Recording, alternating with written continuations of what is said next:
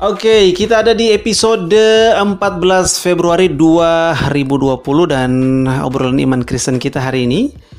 Kita mau bahas satu tema yaitu benarkah Yesus masih hidup sampai sekarang, ya kan? Kita tahu bahwa semua tokoh sejarah di masa lalu itu semua sudah mati, ya kan?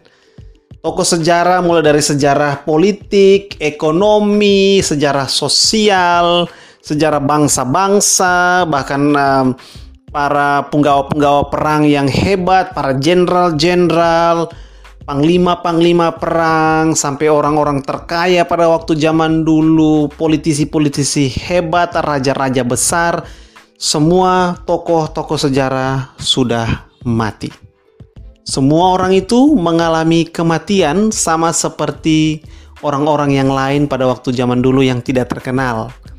Ibu rumah tangga di pelosok yang tidak terkenal, seorang kakek tua di tengah hutan yang juga tidak terkenal, nelayan di pinggir pantai yang kena matahari pagi sampai sore yang juga tidak terkenal, orang-orang biasa mengalami kematian. Jadi baik yang paling hebat sampai yang paling biasa, semua mengalami kematian.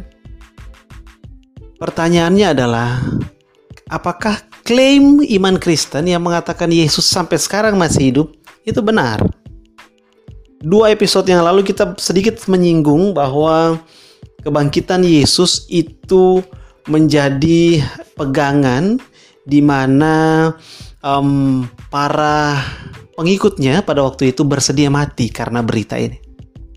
Kalau berita ini um, bohong, kan nggak nggak nggak mungkin orang mau mati gara-gara kebohongan tanpa ada imbalan apa-apa ya kan? Karena Yesus tidak menjanjikan imbalan apa-apa secara fisik pada waktu itu. Mungkin emas atau kedudukan posisi sebidang tanah atau status sosial. Yesus tidak menjanjikan apa-apa Bahkan kebanyakan para pengikutnya di zaman itu itu orang-orang yang uh, tidak terlalu terkenal, ekonominya tidak terlalu hebat, orang yang biasa-biasa aja. Dan orang-orang ini rela mati untuk berita bahwa Yesus itu benar-benar bangkit. Ya kan? Jadi dengan hal itu kita bisa tahu bahwa memang Yesus itu bangkit dari antara orang mati. Dan dia tidak mati lagi. Karena inilah itu pesan kekristenan yang tidak hanya dibangun berdasarkan tulisan-tulisan tapi kesaksian fakta. Karena orang-orang ini 300 tahun pertama mereka dianiaya dan tidak ada satu orang pun yang uh, menunjukkan atau bertentangan dengan berita bahwa Yesus mati. Biasanya kan kita tahu kalau katakanlah ada 10 orang yang sepakat bahwa kita oh ini loh, berita ini kita bawa aja. Katakanlah, ayo kita sepakat. Yesus, kita bilang aja Yesus bangkit, padahal dia nggak bangkit. Kalau 10 orang, dua semuanya laki-laki mungkin kuat. Mau ditahan, mau dibakar, mau ditusuk, mau dipukuli, mau dikasih makan singa, atau apa pun hukumannya, 10 orang ini mungkin bertahan demi kesepakatan yang mereka lakukan bahwa mereka sudah sepakat nih Yesus mati, Yesus bangkit ya. Apa pun yang terjadi, kita tetap mengatakan Yesus bangkit. Tapi kan ini bukan hanya 10 orang pria yang kuat. Ada banyak ibu rumah tangga, anak-anak remaja yang juga menyatakan hal yang sama. Bahwa Yesus bangkit dari antara orang mati.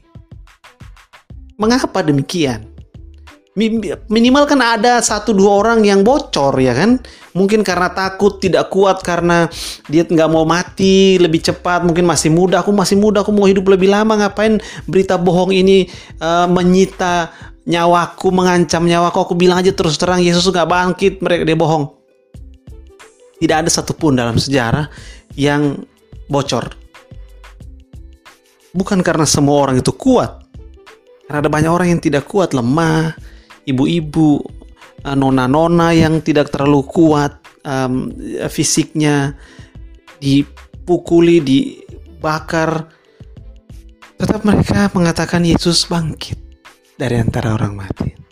Pertanyaannya adalah, Kenapa mereka bisa sekuat itu? Kan mereka lihat. Oke, mungkin mereka lihat, tapi kan ini 300 tahun, artinya mungkin 50 tahun pertama ini generasi orang-orang yang melihat. Tapi selanjutnya ada orang-orang yang tidak melihat juga apa yang terjadi pada orang-orang ini. Pertama memang kesaksian Rasul mereka melihat, tapi yang kedua mereka tidak langsung menyaksikan kasat mata. Tetapi karena Yesus itu hidup, maka orang-orang ini mereka secara rohani di dalam jiwa mereka, mereka tahu pasti bahwa Yesus itu ada bersama-sama mereka. Ini bukan semacam um, motivasi diri, bukan. Ini bukan seperti di film-film kita mengatakan, iya walaupun dia sudah mati, dia masih ada di hati. Bukan seperti itu ada sosok yang memang hadir bersama dengan orang-orang Kristen pada waktu itu ketika mereka menjalani hari-hari yang sulit. Dan sosok itu adalah Yesus sendiri, Yesus yang hidup. Dia menyertai mereka karena janjinya adalah aku menyertai engkau sampai selama-lamanya. Jadi Yesus hadir pada waktu itu. Kehadiran Yesus inilah yang pertama tadi disaksikan langsung oleh para rasul dia naik ke surga, namun kemudian berjalan dengan waktu Yesus hadir di tengah-tengah persekutuan orang-orang Kristen, dirasakan walaupun tidak dilihat oleh mata, dirasakan bahwa ini Yesus benar-benar hadir.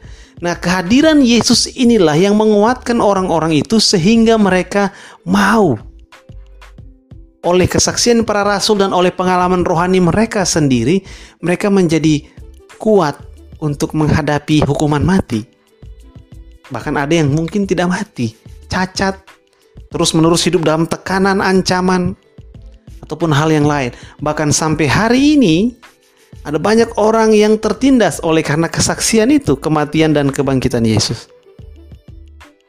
Jadi hari ini kalau kita membahas satu pertanyaan, ya kan, bahwa benarkah Yesus masih hidup? Maka jawabannya adalah ya. Sampai hari ini Yesus masih hidup. Oleh dua hal ini. Yang pertama bahwa kesaksian para rasul, yang kedua bahwa Yesus benar-benar hadir dalam kehidupan orang yang percaya padanya. Oleh dua hal ini, maka orang Kristen dapat bersaksi bahwa Yesus benar-benar hidup. Dan hari ini obrolan iman Kristen kita menguatkan kita bahwa Yesus bukanlah seperti tokoh sejarah yang lain. Tokoh sejarah yang lain kita hanya bisa mendengar pemikirannya dalam tulisan-tulisan sejarah. Kita hanya bisa melihat kisahnya pada cerita-cerita sejarah. Kita tidak bisa berbicara dengan mereka, bertemu dengan mereka. Bahkan tokoh-tokoh agama pun tidak hanya Yesus yang bukan hanya kisahnya dapat kita baca di Injil, yang bukan hanya pikiran-pikirannya yang bisa kita baca melalui pengajaran para rasul dan pengajarannya sendiri dalam Injil. Tapi jauh melebihi semua itu. Yesus, kita bisa merasakan kehadirannya. Kita bisa mendengar suaranya. Kita bisa mendengar um, bisikannya kita bisa tahu dengan pasti jauh di dalam lubuk jiwa kita bahwa Yesus dia benar-benar bangkit. Mengapa? Karena ada harapan bahwa kebangkitan Yesus sudah mengalahkan maut. Kebangkitan Yesus sudah mengalahkan dosa. Dan ada harapan muncul jauh di dalam hati kita bahwa ini benar adanya. Bahwa Yesus benar-benar hadir. Kita tahu pasti bahwa Yesus benar-benar hadir dalam kehidupan kita. Dan itu membawa sukacita, pengharapan kasih, dan membawa iman semakin teguh di dalam Allah. Obrolan iman Kristen kita hari ini juga mengundang kita untuk mengalami bukan hanya iman Kristen di pikiran dan di mulut, tapi mengalami kehadiran Yesus secara pribadi. Yesus mengatakan, "Marilah kepadaku semua yang letih dan berbeban berat, Yesus mengatakan kepada Thomas, "Kalau kamu tidak percaya, mari datang dan taruh tanganmu, eh, jarimu di lubang di tangan dan di lambung sini." Yesus juga ingin mengatakan hal yang sama kepada kita. Kalau kamu mau datang padaku, panggil namaku, aku akan hadir di sana. Karena tidak seperti semua tokoh sejarah yang lain yang sudah mati, Yesus dia hidup dan dia hadir. Panggil namanya, berseru padanya, maka dia akan menjawab. Dia akan hadir dan dia akan menyatakan damai sejahtera bagimu. Kiranya Tuhan menolong kita, damai sejahtera dan kasih karunia beserta Anda.